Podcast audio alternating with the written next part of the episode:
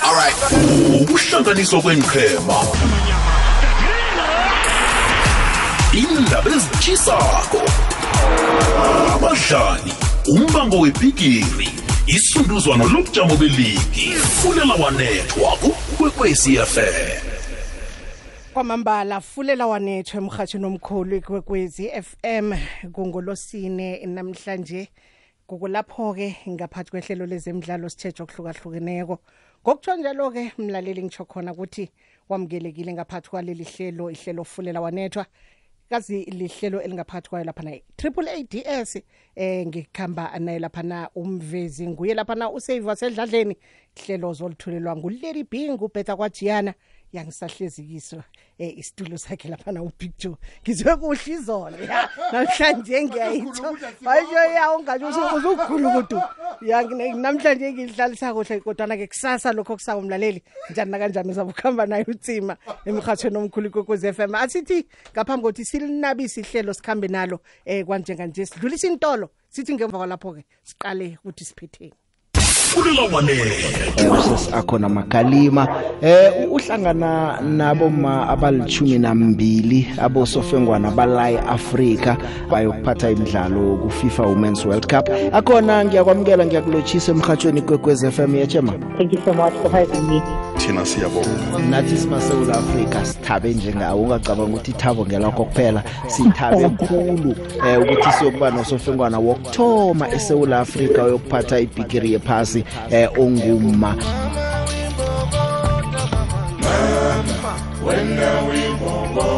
Mama siyabonga.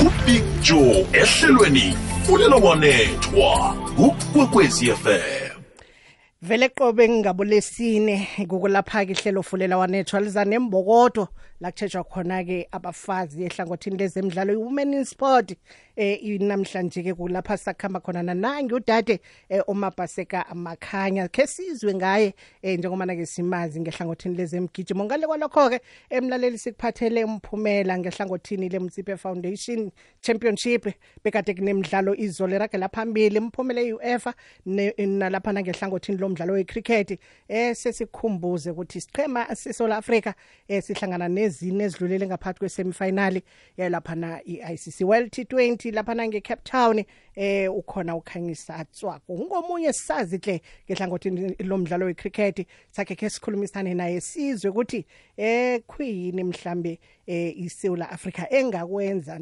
ekutheni bahona ukuragela phambili nalo leli phaliswano. Asithi msinyazana nje qale sithome ngehlangothini le Mutsipe Foundation Championship. Sichema sepulukwane sithi sibuyele lapha na isiqongolweni ebujameni bokthoma kazi isicheme sisidlala ehle khulu omambala izolo siwuthumbile umdlalo. Nawuthi uqala uthongathi naloke kwanga izinto zibakhambela kuhle ke nje eh, izolo baqede ithihwe emidlalo emine yonke isichema sothongathi singathumbi eh, lapha na umdlalo. Ngale kwalokho ke ithongathi sikhuluma nje ngaphathi lapha na i-top 8 Kaizer Stars ikhamba ikhithi zamaphuzu ngemva kokuthi ke umdlalo wabo wamva nje bawudlala i-draw bese kuthi ke nakusichema sayilapha na i-Black Leopards sizigedlile sithule stedu sihlezi emsileni wayo lapha na eh, i-National First Division. Sicema sayo lapha na iBlack Leopards eh singesinye ke sengiqhema othi na uziqala ko singiqhema ezingasebenzi kuhle nakancane ekule season le eh, ngombana ke bekade sele inemidlalo elisumi nemibili yonke eh, ingathumbi lapha na iBlack Leopard. Ihlezi ebujameni besumi nesithandathu kuloko yayo lapha na iMutsipe Championship. Akhe ngiqalele msinyazana imidlalo eh, kokwakho ke imphumela yemidlalo ekade iragela phambili izolo. Sithome ngomphumela phakathi wesichema seCape Town Spurs kaziduli Thako Mathama amadibandela ngamagondelo amathathu okwamabili isichema asayo lapha na University of Pretoria. Balobile badula imagesi ngegondelo linye elizeni. iVenda Football Academy bethi sururu samagondelo mathathu wonke phezulu kwesichema nasa seMM Platinum. JDR Stars neBlack Leopards zidlala idraw kaNorth North. Platinum City bethe isichema sayo lapha na iCape Town All Stars ngo2-1 khuluma nje iPlatinum City- City thiya laphana iCastric Stars ngamaphuzu amabili. Njengoba ke ngemva kwedraw iCastric eh ibathethe ababeka laphana emaphuzwini amasumi amane nabunane. Eh, ngemva ukuthi bekade ezilinganisile lezi ngiqhema nga40 ka37 yamaphuzu. Sikhuluma nje ke eh, iCape Town City eh, inamaphuzu amasumi amane wonke kuyo laphana iloko ye National First Division. Msinyazana ke sidlulele ngehlangothini le UEFA Championship. Eh nakhona ke izolo bekade kunemidlalo emibili ebekade iqaliweko kaze ngaphathi komlenze wokthoma wayo laphana i last 16 sibona isichema seLeipzig sidlala neManchester City eh iInter Milan idlala nanasi isichema seFC Porto. Eh imidlalo iphele iLeipzig neMan City ezidlale idraw yakhe laphana u1-1 kanti ke ngemva kwegondelo eh uRomelu Luku- Lukaku abethele laphana isichema seInter Milan eh igondelo elibethe isikhathi selesikhambile lihle eh labethe khona ivolley 86 minutes umdlalo ukhambile kwaba kuphela kwegondelo lomdlalo lo yathumba iMilan eh ibetha laphana eh, iPorto ngegondelo linye elizeni. Ngokuthumba kwe- kwe- kwe- kwe- ngathi ke kwayo laphana iMilan umdlalo wayizolo lo eh, lokho ke kwenze ichuguluko elikhulu eh kuqede nasi into ukuthi isichemesi sayo laphana iMilan eh ingakhutshwa njengoba na ke bekade selimahlandla amane wonke eh, ikhutshwa emlenzweni wokthoma wayo laphana iChampions League. Nje ngicabanga ukuthi nabaragela phambili izinto zizabakhambela kuhle. Khuluma nje ke mhlana amalanga lisumi nanye inyanga ezako le eh 14 March kukulapha ke eh, isichema sayo laphana iMilan esiyozabe sidlala nePorto um, en- en- ekhambeni. Ya kukulapha kuzabe kudlalwa khona umlenze wesibili waluleli phaliswano. Msinyazana siqaleke eh sikutshetheleke ngehlangothini eh le UEFA Europa League. Sinemidlalo kazi namhlanje eragela phambili ngokora 28 kunemidlalo emithathu yonke yalo leli phaliswano bese kuzakuthike laphana ngogesimbi yesumi ebusuku ekube nayo laphana imidlalo emibili. Eh iManchester United yadlala nesichema seBarcelona emidlalo ongayo laphana ukora 28 ebusuku. Namhlanje uzakukhumbula ukuthi lezi ngiqhema eh, umlenze wokthoma zadlala ngedraw ka2-2 eh nje ke sakubona ukuthi namhlanje Queen abazayenza eh kwenzela khona ukuthi baragele phambili nomdlalo. Eh, isichema seNantes siyadlala neJuventus emlenze wokthoma zadlala idraw oka 1-1 bese kuthi namhlanje ke sakubona ukuthi Queen ekuzakwenzeka iMidland iyokudlala nesichema seSporting eh ngokora 2:80 ebusuku namhlanje bese kuthi Rennes idlale nanasi isichema seShakhtar Donetsk eh nawo ke umdlalo ngokora 2:80 namhlanje ebusuku. iMonaco iyadlala neLeverkusen eh nakhona ke kudlalwa umlenze wesibili bese kuthi Union Berlin idlale nesichema seAjax eh wona ke lo mdlalo ungesimbi yesumi. iPSV idlala nesichema seSevilla eh Sevilla yathumba ngo3 not umzombo okthoma quarter to 8 babuyele etatawini sibone ukuthi ngisiphi isiqhema esisakwazi ukuragela phambili nephaliswano. esiRoma iyadlala neSalzburg nazo ke umdlalo wazo ungesimbi yesumi namhlanje. Ngizo ke lezo ke eh, ze fixture esiphethe kwimidlalo eragako ngaphasi kwayo lapha na iUEFA Europa League namhlanje. Dlala dlala big joe asidlali la. Ezemidlalo kufunela wanethwa nginophelwa kwamswane uphethe lapha iphiko lezokuthindana isichemeni sayo i-University of Pretoria. Bakubiza ngo big boss abantu abahlanu kwakho osebenza nabo. Eh kuba yini? Hayi nami angazi hey ngiyazi no um i think it's just out of respect because one of the core principles that we teach our athletes at football ukuthi you must always respect. So i am in a position of high authority but i like to find myself among the players. Akunama ama formalities ukuthi that's the boss and i'm just a player. So we're all in a very friendly environment. So they just ended up calling me boss lady. And then yeah we just continued like that. Fulela wanethwa fulela wanethwa nginaye la uandile wakwadlamini usomapala wesichema sebanyana banyana iSouth Africa kuningi engibhalanse ngakho. Nginebhizinisi lokwasha amateki ngikundinele eh so ngingu-business woman Mm. and um ngi-KFC license coach um ngi-musician. Hawu. So mm, akho siculele bantu shayela nje amabhasi nyana ambalwa uvuma uthini andile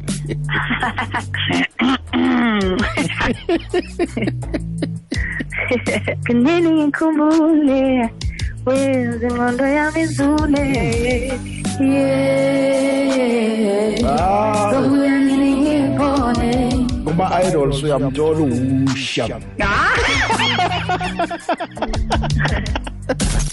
dlala dlala picture asidlali la ezemidlalo kufunela wanethwa ulalele ikwekwezi fm emalahleni 91.8 fm Sirakele phambili nephaliswano umlaleli kwekwez FM sisaliqalile ke iphaliswano lezemidlalo ihlelo fulela wanethwa. Kukulapha ke nje sichukulukela ngehlangothini lomdlalo wecricket eh abodade besewula Africa phakazi sikhe satsho seyisikhathana hle sivuma ukuthi lapha na eCape Town kukulapha kuhlangene khona inaga bekade ziziningi kodwa nasikhuluma nje kusele zine kuphela njengoba na ke iphaliswano lingena ngaphakathi kwesemifinal. Engikhuluma nje ngetatawini ukhona umdlalo ragako eAustralia neIndia kodwa na ke ngikhamba nokhangisa. Enguye ke ngifuna ke siqale nandi iphaliswano njengoba selila kulesi sigaba esikiso sizwe ngaye ke ukuthi mhlambe ke angasihlathulula thina siphandlulula thini queen esingakulindela. Khanyisa? Yes yes mambulise bekuwaphula futhi siyakwamukela emhashweni omkhulu kwekwezi FM khanyisa eh iSouth Africa ngabhlangothini la abodade eh idlulele ku semifinal yalo leli phaliswano? Mhlambe eh, ungakhe uthini ke usitshele ngekhambo labo kusuka kuma group stages ukufika lapha bakhona njenga nje indlela ibe lula kangangani nofana ibe nzima kangangani ukuthi bafike la bakhona? Eh nokwana ke indlela ke yeqala ke leSouth Africa ke biphande banzima buka babi baphulukene ke nomdlalo oqala eh with the lost get to Sri Lanka ke abo. But eh babuye kakuhle ke ngokuba soke beshaya eh ilele ke bashaya iBangladesh bashaya iNew Zealand bethi lutho Australia ebhale egcineni lesizile kwi run rate enhle. Lo lo lo net run rate ile basizile ke baba babe balele bagcabe babe senke ko New Zealand. And then ke lo ndanyathela abantu Africa bisibhaxa semi final semi final eh lena ke bayidlala ngomso xa bedlala ke ne-England ke eNewland yonke so look eMzantsi Afrika ke they not lost the opening game mhlawumbe i-influence ngezihambe ngenye indlela but ekugcineni ke baphumelele ke laa mdlalo ke lena ebalulekile against i-bangladesh ebaphumelela kakhulu bephope bafuna amaphuzu plus mid hundred jabanmeta that's how ke bafika khona semi-finals khanyisa iNewlands ngiyacabanga kade ukhona la em- emkhakheni womdlalo wecricket. Itata leNewlands ulazi ngcono khulu iSouth Africa la iyokudlala khona neEngland kusasa. Mhlambe nange ungu usuni Lewis okungukapteni wesichema ungakhetha ini kange mhlambe usitshele nangetata leNewlands ukuthi kulitata elifavor ini khulu? Yazi ke kuba ke ingumdlalo kwasemini ke 3 o'clock start. Eh andiboni favor kakhulu mhlawumbe lomnedeni team okugqitha team. Eh cha ke nibalulekileyo ke sifanele sijonga ke South Africa so ezokwenza ntoni xa bephumelela ke toss eh badlale kuba kumdlalo okufana nalowana ke eh it's very much dependent on uba i-toss ke ihamba kanjani la ke ngoku. So if South Africa eh they win the toss eh I would suspect ba mhlawumbe ke they want to bet first kuba kaloku eh xa kumdlalo omkhulu kubaleke njenge-semi final eh uyafuna ube nguwe olawula uba eh umdlalo kuzohamba njani aphume njani ke ngoku. So for iMzantsi Africa eh sawubona mhlawumbe ke i-toss ithile but kuyafavor ithile kuba England eh England icala ke elisiqhema ke elidlala kahle kakhulu. Sibonela kwi-group stages abakaphula abaphulu kangena umdlalo so um i-toss iyabaluleka nangona nangona ke eh kudlalwa ke ngo-three but ekugqibeleni ke South Africa nayo inethuba elihle lokuba mhlawumbe if they win the toss ke babhethishe kakuhle. Something that bengayenzanga netumente I think mhlawumbe the things they deflect is for the semi-final. Ya usakhuluma indaba yeBangladesh bakhombisa ukubetha kuhle khulu ngoba ama ama opening batsmen womabili eh ahlanganise ama runs bekade bawagijimisa. Kodwa na ke nginomraro khanyisa ngiyazibuza kunodade nangu uayabonga khaka ngabona abambekele ngaphandle iSouth Africa idlala neAustralia nasakulobo umdlalo. Umdlali onjani begodi uhlogeka kangangani ukuthi abe khona kusasa? Kakhulu baleke kakhulu. Eh ngoba kaloku ubuya ibhola ibhola kakuhle ezikhubeni bakhe is rather disappointing eh yoba angayitholi i-contract ye-women's super league. Eh ayabonga khakha but kumnobhola ebhola kahle kakhulu. Eh naxa sebhola ke eh akahlambisi ukuthi kuphela ongumlesizayo ke babehlambisa ime-run rate ke yehle. So unobhola kuyabaluleka kakhulu eh sisikaba ayabonga khakha eh nokuleko kulaba ke the level shabithi noma sabatha class eh waze walithola ukuthi baludlala ke naye ke but kwayibhola South Africa funeke ziphangele ziphangele kakhulu ke kakhulu kwemidlalo wangomso ukuze ke eh, abaqoqi babe nalo ithuba ke basebenze iMzantsi Afrika bayifaka kwi-final sinawo amathuba ukuthi singazibona sidlala ifinal hey kuzaba nzima kuzaba nzima ngokuba kaloku eh ilento iyicela ke le eliqala ke le liqala ke elidlala kahle kakhulu sibonile balenze lenze into lePakistan eh bayishayile ibhola kakhulu abethu 213 to 4 which is the highest total so far in the tournament. So to be interesting to see eh yokuba badlala kanjani ke ngokweqala ke le-England. But look South Africa they, are not the favorites. England are the favorites kulo mdlalo but South Africa they make emdlalo very competitive. I think besingabalandeli ke beqala ngokuthi very hard ke ngoku. Khangisa ngibona ama defending champs iAustralia ingaphakathi nje tatawini baqalene nenahe India baqedile ukubeka imigijimo yabo ama over masuma amabili ahlangene babeke 172 iIndia nasi ikhona la. Mhlambe kulomdlalo eh ungathini? iAustralia ingahona ukuvikela ngathi i-title yabo?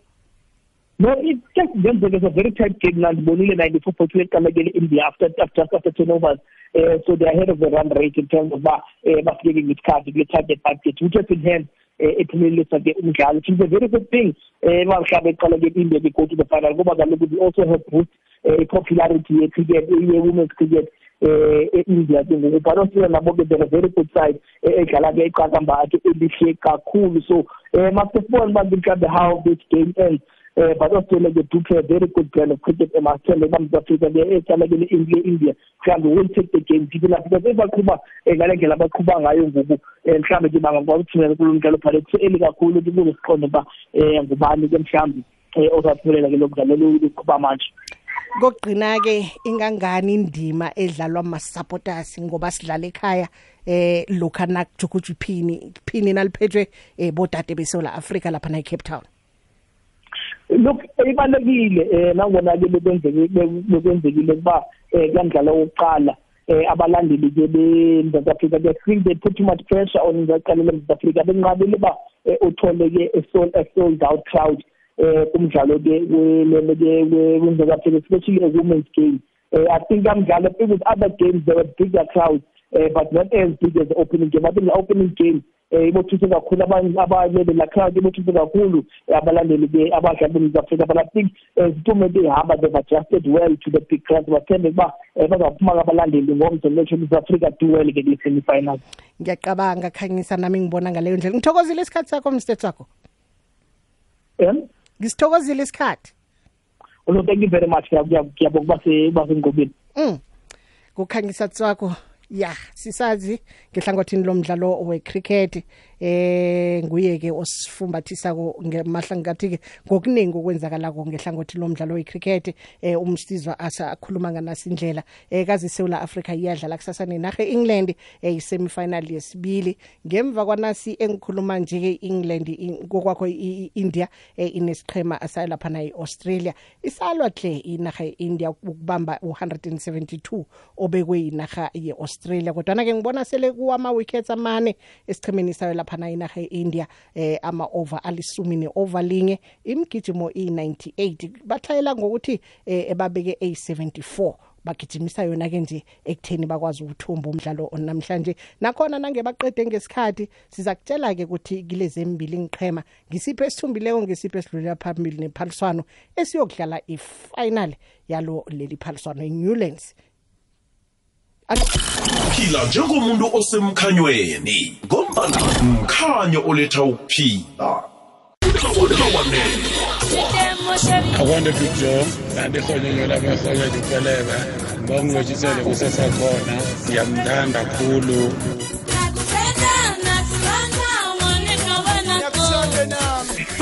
Akhona ihonyonyo liyasithanda lapha likhumela wona every week ngiyamthanda khulu nginecrash ekuze kuye. Thank you so very much. Good message. Joining in Rwanda. I'm getting the support. fulela wanethwa ukwekwezi fm kunjani kunjani kunjani? Biziweni mama lady b awu nikhesi ngopfu mama lady b akuveni u swi kota ku ti thova hi ku heyi eh hina valandzeli phela hi toloveli bujo swa ku loko a nghena a ti vula swa ku i mani so that's why mulandzeli luya wa tolowa swa mitlangu a nga vulavula hi timhaka swa ku hayi kati a wu ti vuli swa ku mani hayi hi khesi ngopfu mama lady b a xikwembu xo katekisa u swi kota ku tirha ni vanhu hambi a nga ri kona bojo eh ni khensi ngopfu a vitla mina mina joseph mathebula ni tshama la nga valley station seven. Bye bye hayi hayi sawubona leli p. Ya leli p umdlalo ebengucalile bengicale lo we-man city. Ya i-man city eh idlalile man idlalile i-man city. Mara mina bengicale ukuthi igoli leli eba equalize ngalo i-man city. Urevi uzokureva. So azange areve azange baye naku-var angazi uba kwenzeke ngoba uthi ize nakahead ibholwela ubambele ngaye uthe nakajampako ahead wabambela ngaye leli b. Angazi ukuthi mina uthi ureva zange abone noliceman azange babone or kwenzale angazi nami kwenzaleni. Anyway akusana ndaba i-one one. Mara ngiyathemba ukuthi nazi thomas buya futhi kusecond ku-second round yakhona i-man city izokuwina. Ngupastor jefetofonten sikhosi for life. Sharp lady p. Taba Mashilwane Metalback Extension 4 Lady B ke a le dumedisha mo kokwezi eh hey re te tlaletse big big joe. Ha a gona taba. We're gonna get used to Lady B. Re rata fulela wa netwa eh since re rata fulela wa netwa re santse re no understand. All right. Eh Lady B ke rata go bolela ka sehlopha sa Orlando Pirates le Kaizer Chiefs. Ka derby e tlago. So be ke leletse gore tomorrow i'll be quite busy. Nka se kgone go bolela ntlho mongwe um setlhopha sa orlando pirates when coming to kaiser chiefs with this generation ye leng gona right now they respect kaiser chiefs a lot. They respect kaiser chiefs a lot to the extent of ge ke lebeletse ke bona kare we gonna lose against them. Because if you check the likes of saling they respect the defense ya Kaizer Chiefs a lot. He is even drifting to right and Galakamoga I mean he's drifting to left. And Galakamoga left he doesn't is not that much dangerous. So Galakamoga right akata inside a shot or Eh sanibona leli bi usibusiso kazwana la eBinoni emlotheni. Hayi yabona into enziwa eCasric ayikhona ngisayithandisise kahle kanti leqembu bengilithanda ngoba phela ilakithi lempumalanga. Ngifisela ngathi lingawina kodwa. sirakebele phambili nehlelo umlaleli kokwez FM siqale ngehlangothini lezemgijimo. Kazi impela veke siya kiyo le laphana ngosonto kokula kunomgijimo omkhulu laphana eGqeberha. Umgijimo obizwa ngeNetbank Run Field eh kokulapha ke kuzabe ekugijinywa i50 kilometers.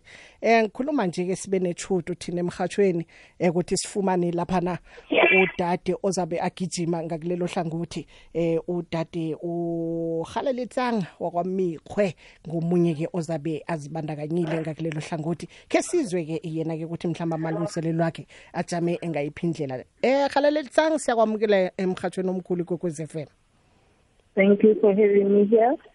Good Eh.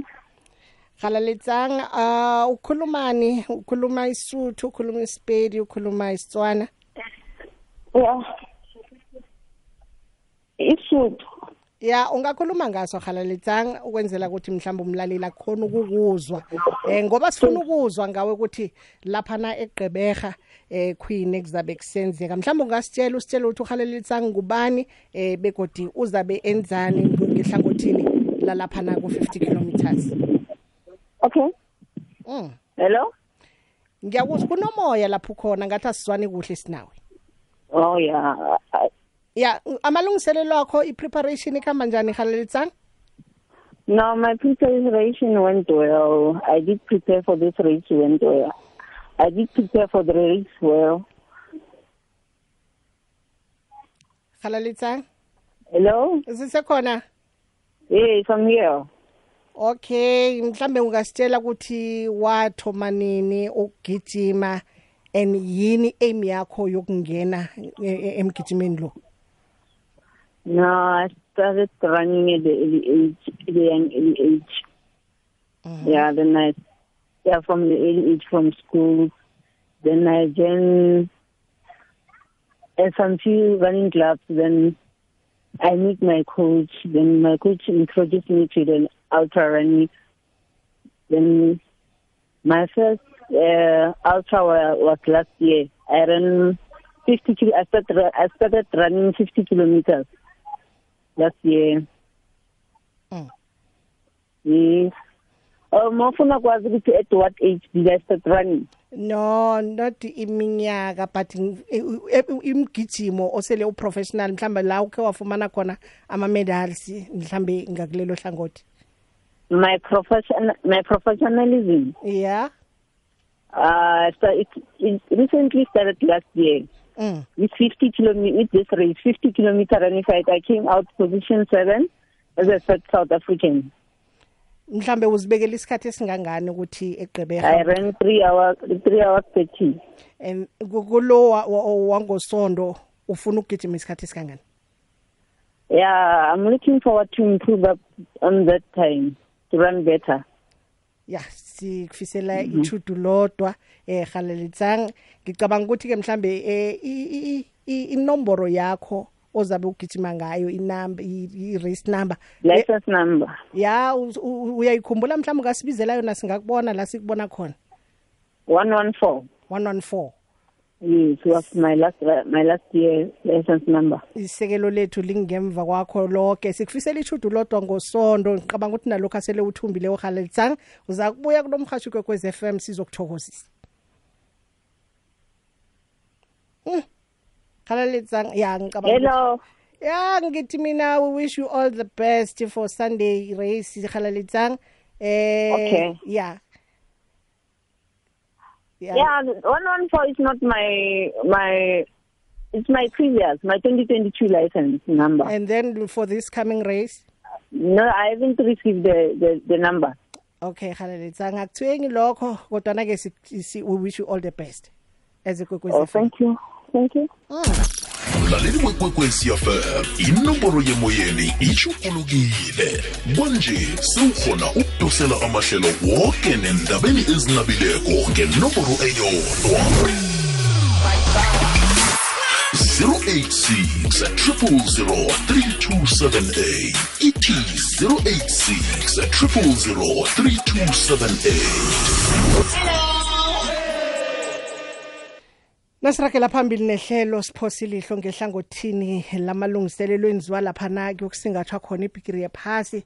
Um uza kukhumbula ukuthi abafazi bayadlala ibhigiri yephasi yeng- umdlalo wenyawo ibholerarhwako yanonyaka nje ka-2023 i-women's world cup ezabe ibanjwe ngokuhlanganyela siqhema senarha enew zealand kokwakho yinarha enew zealand nenarha yalaphana e-australia. Engikhuluma nje-ke la isola afrika ehlangano efifa um ikhuphe nangiya umswa omunobhala amazombe eh kuyo lehlangano yefifa ufatima samora eh umswa kuzwakala ukuthi bekade athinge khona le hamilton. Nekulapho kade sayokutshetsha khona ukuthi mhlambe kamalungiselelo akuhamba njani eh umswa uthe ukuhamba khambile dlebe kwayokufika nala eh kwelinye lamatatawu ekuzabe kusingathelwe elona lemidlalo eh zinarha ezimasumi amathathu nembili ezizabe ziphalisana ngaphakathi kwalo leli phaliswano. Kodwana ke bayakuveza ukuthi eh kwenziwe ubukhazikhazi amatatawu enziwe kuhle khulu eh kwenzela khona ukuthi basingathe leli phaliswano libe yimpumelelo asimuzwe lapha na usamora nakasitshela ngekhambo lakhe lokuvakatshela ehamilton It's the most beautiful unity pitch that I have ever seen. Uh, the last time I saw one, it was in the middle of the winter. Now it's in a magnificent place, uh, warm, and uh, with uh, many community members also coming over the past four days to discover football for some of them, but especially to enjoy the weather and, uh, and the good uh, and the play on, on the pitch. This uh, unity pitch uh, is a symbol uh, that we um, grant a lot of, um, let's say, importance for the Women's World Cup because it will be visiting each and every host cities in New Zealand and Australia and give opportunity of the police people, of the fire brigade, brigade people, of the international community, but also of the host community to come and play and connect and this is really what uh, we are looking forward to see many more people. I was told a few minutes ago that uh, during the weekend it was quite crowded and busy, and this is also show the life of uh, the love that people have, people have for football, but also what we can expect uh, starting on the 20th of uh, July this year when uh, uh, we will start the ninth edition of the FIFA Women's World Cup in New Zealand and Australia. Zwakelehle mlaleli kwekwez FM inkulumo yakhe lapha na usamora khuluma ngevakatsho lakhe lehamilton. Kodwana nje eh njengoba nangikhe ngatsho ukuthi ngabo lesine nje hayi siqala abodade eh abazibandakanye kwezemidlalo ke sizwe eh ngempilo wabo nokuthi basuka phi ngaphambi kokuthi bafike lapha na ehlanganweni yezemidlalo kokwakho ekorweni yezemidlalo. Eh ngikhuluma nje nginomapaseka makhanya ke ngisifuna ukumazi ngqono eh ukuthi mhlambe ke ungibani umapaseka osele asibambele lapha emtatweni. Mapaseka! Sanibonani njani? Sivukile njani mapaseka? Siyakwamukela kukwekwez FM Ah ngiyabonga ngiyabonga ngiyabonga ngoku-invite kukwekwezi FM ngilise nabalaleli. Yazi mapaseka kunomapaseka engimaziko umapaseka ogijimako umapaseka ekhulunywa ngaye unyaka nonyaka. Kodwana kunomapaseka engifuna ukumazi engingamaziko eh umapaseka asese mhlambe nesumile eminyaka umapaseka sakhula umapaseka ngena isikolo. Ungakho sitshele ukuthi ngubani umapaseka? Um umapaseka intombazana ekhulele emaledi esowethu yangena isikole eSoweto primary school yakhe yonke eSoweto and then high school waya wathola ibhasari wayongena e-foreign two high school. Isikole esidume kakhulu ngezokugijima ke leso eh la eJoburg. So sengiyakuzwa ke naso nawuthi isikole esidume ngokugijima eh mapase kuhlangana lapho nezemgijimo uthoma nini ke komupho umnyaka ukuzibona ukuthi sewuqinile sewungakhona ukugijima? Yazi eh angeke ngithi mina ngibonile bekuno mem esikolweni ithisha before ngiyakundala leso sikole bengisase primary athanda ukungihambisa. Angitha kuma cross country leagues nama track leagues. Eh primary e primary like i i ngikuthi bengu grade 5 mm. standard 3 standard 4 standard 5 eh bekafundisa lapho um umam lepiano so for mina bekuyi outing more than ukuthi ngiyogijima because then ngizothi bengathandi ngoba bekubuhlungu. So but yena ngoba bekabona italent masigijima izinto zeyikolo angithathe nekubeka funa ukuthi ngibe ne motivation yokuthi ngayenza lento le. Mm. and then eventually ngagcina sengiyenza ngigijima cross country. And the first race cross country i think that's where nala ngithola ibhazari yase-foreign two ukuthi ngiyagijima. Angiwinanga but naloyo teacher wabona potential ukuthi no lo singamgruma une-talent eli-raw and mhlawumbe angaba something e-good in south africa. But um ngathola nebhazari e-university e-uj ngokugijima. And then mangise UJ beku bekumnandi bekubuhlungu kubuhlungu ngoba nami ngifuna ukufana nabanye abantwana ngifunde ngezinto ezenza by teenage girls. Funda do everything that amantombazana yenzayo ngapha nesikolo nesikolo siyakudinga ngapha ukuthi siba uzosigijimela ngikhathele ngesikhathi sokuhamba namanye ama-girls mina ngikhathele ngiyojima and if angijimi angiwini ibhazari yahamba so i must keep my struggles. Kodwana ngiyacabanga uyazithokoza ngokubekezelela isimo esifana naleso ekufika namhlanje. Eh ay bekunzima mari nami ngiyathokoza ukuthi um lelo talent abantu abalibonile kimi. Nami bese ngibona ukuthi lento le ingangenza ngibe umuntu ebantwini. Ngibe one day a sport woman of the year ukubambezela and ngagcina sengikuthanda like bengingavuki mangivuka ngicabanga ukugijima mangilala ngicabanga ukugijima. So in a way mina ngihlala ngithi i-talent lami lokugijima it's a calling it's, it's a passion because nomsebenzi ngisebenzile e Transnet ngasebenza eclinic but angikho happy ngize ngiresign emsebenzini ukuthi ngifocus ekugijimeni.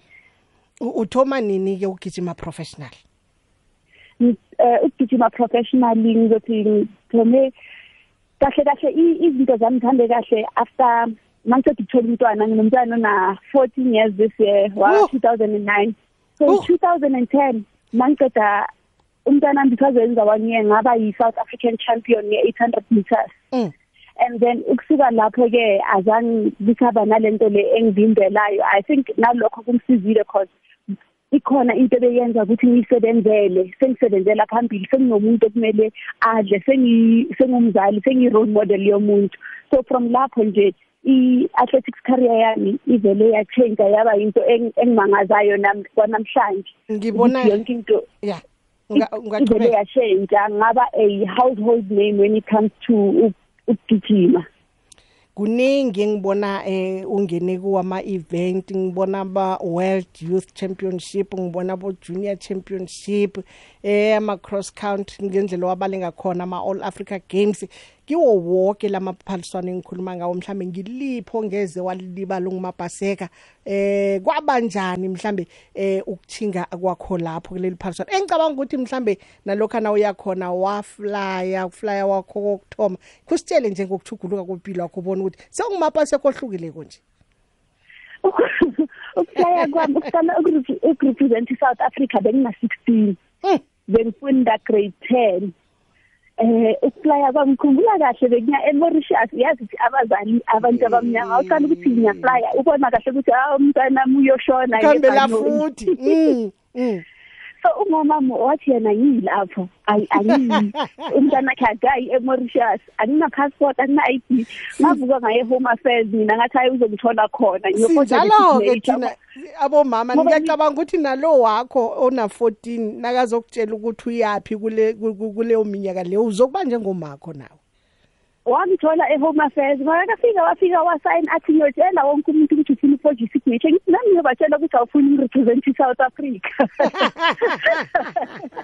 So, but and then from then like u- umzali wabona ukuthi okay ngaye emauritius that it, it was special. I think u- ukugibela ibhanoyi ukuya emauritius was the first time ngigibela ibhanoyi and futhi ngiphuma eh ngiya outside of i-south africa. And i-mauritius abanye abantu it's i-exotic bayibona ukuya kuma-holidays bayibona ya-understand so for mina ukuthi le talent leli serious serious serious lingithathile langisa e-mauritius.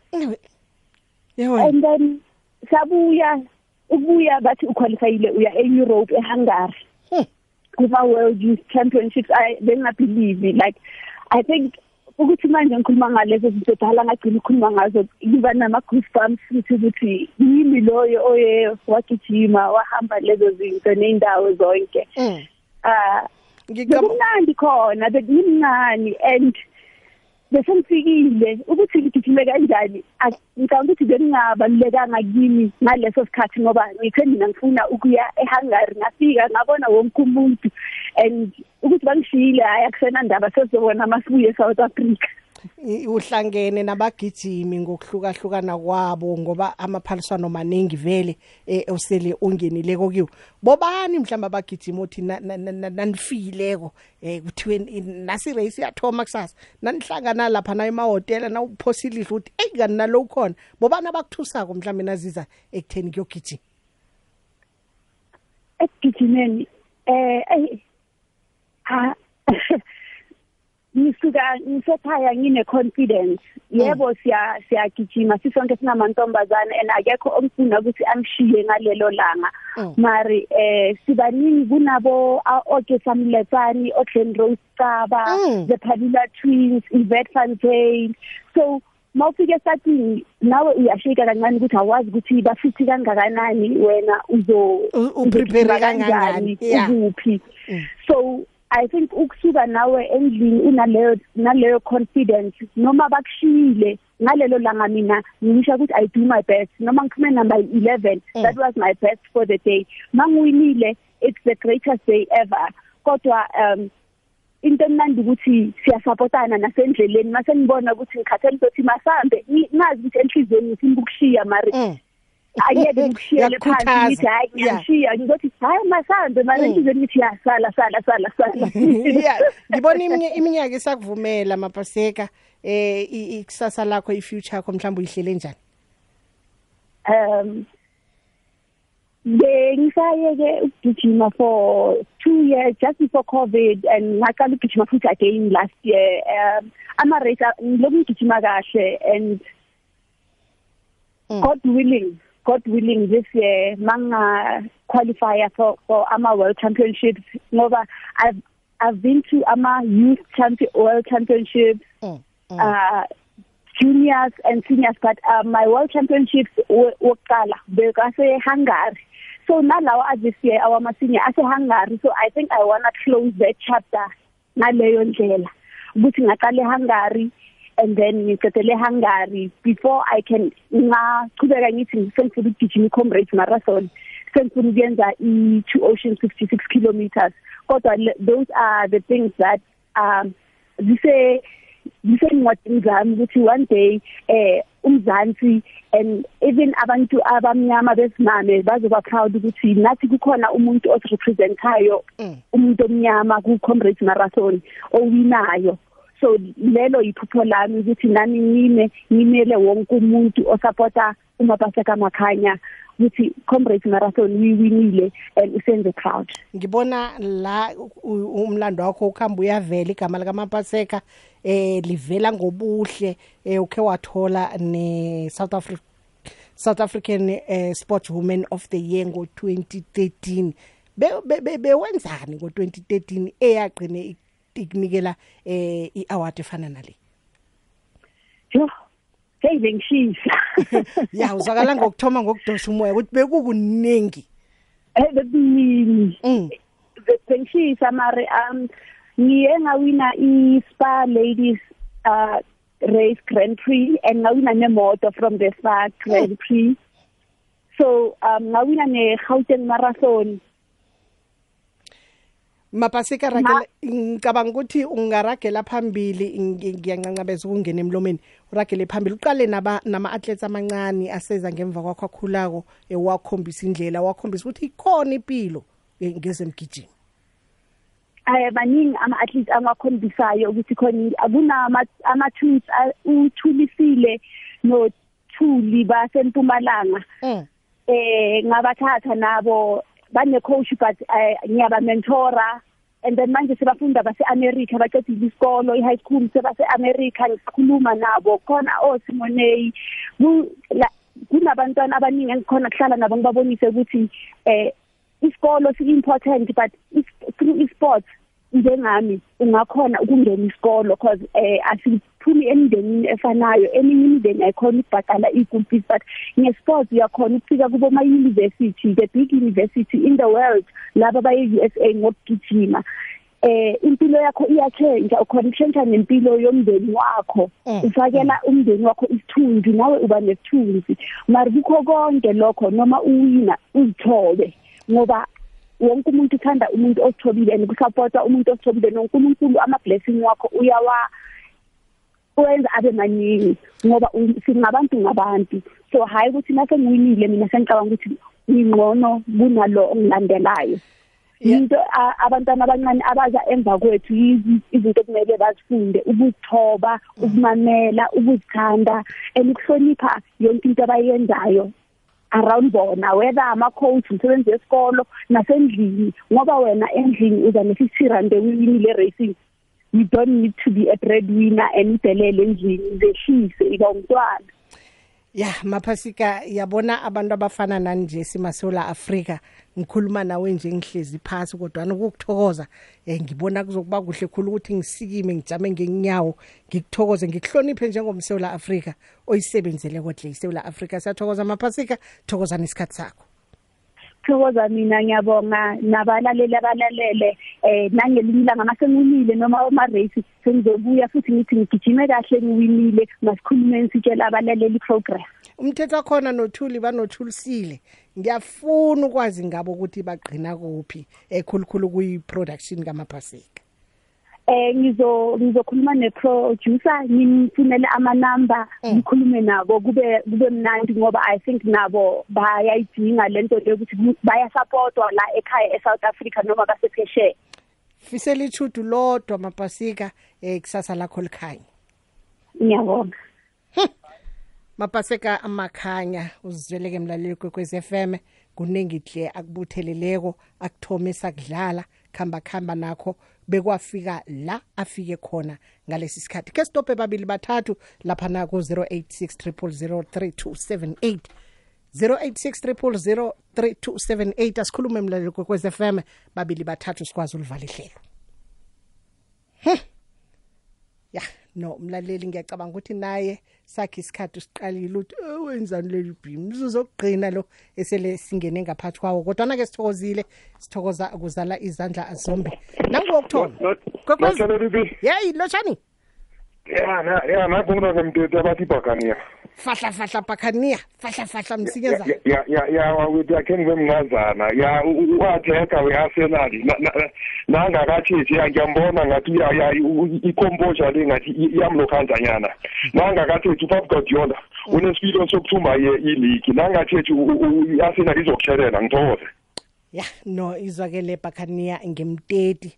Stop yoqina ungoqina sivalela ikwekwezi lotshani? Yebo njani sifika mnandi nihle njani nina baba?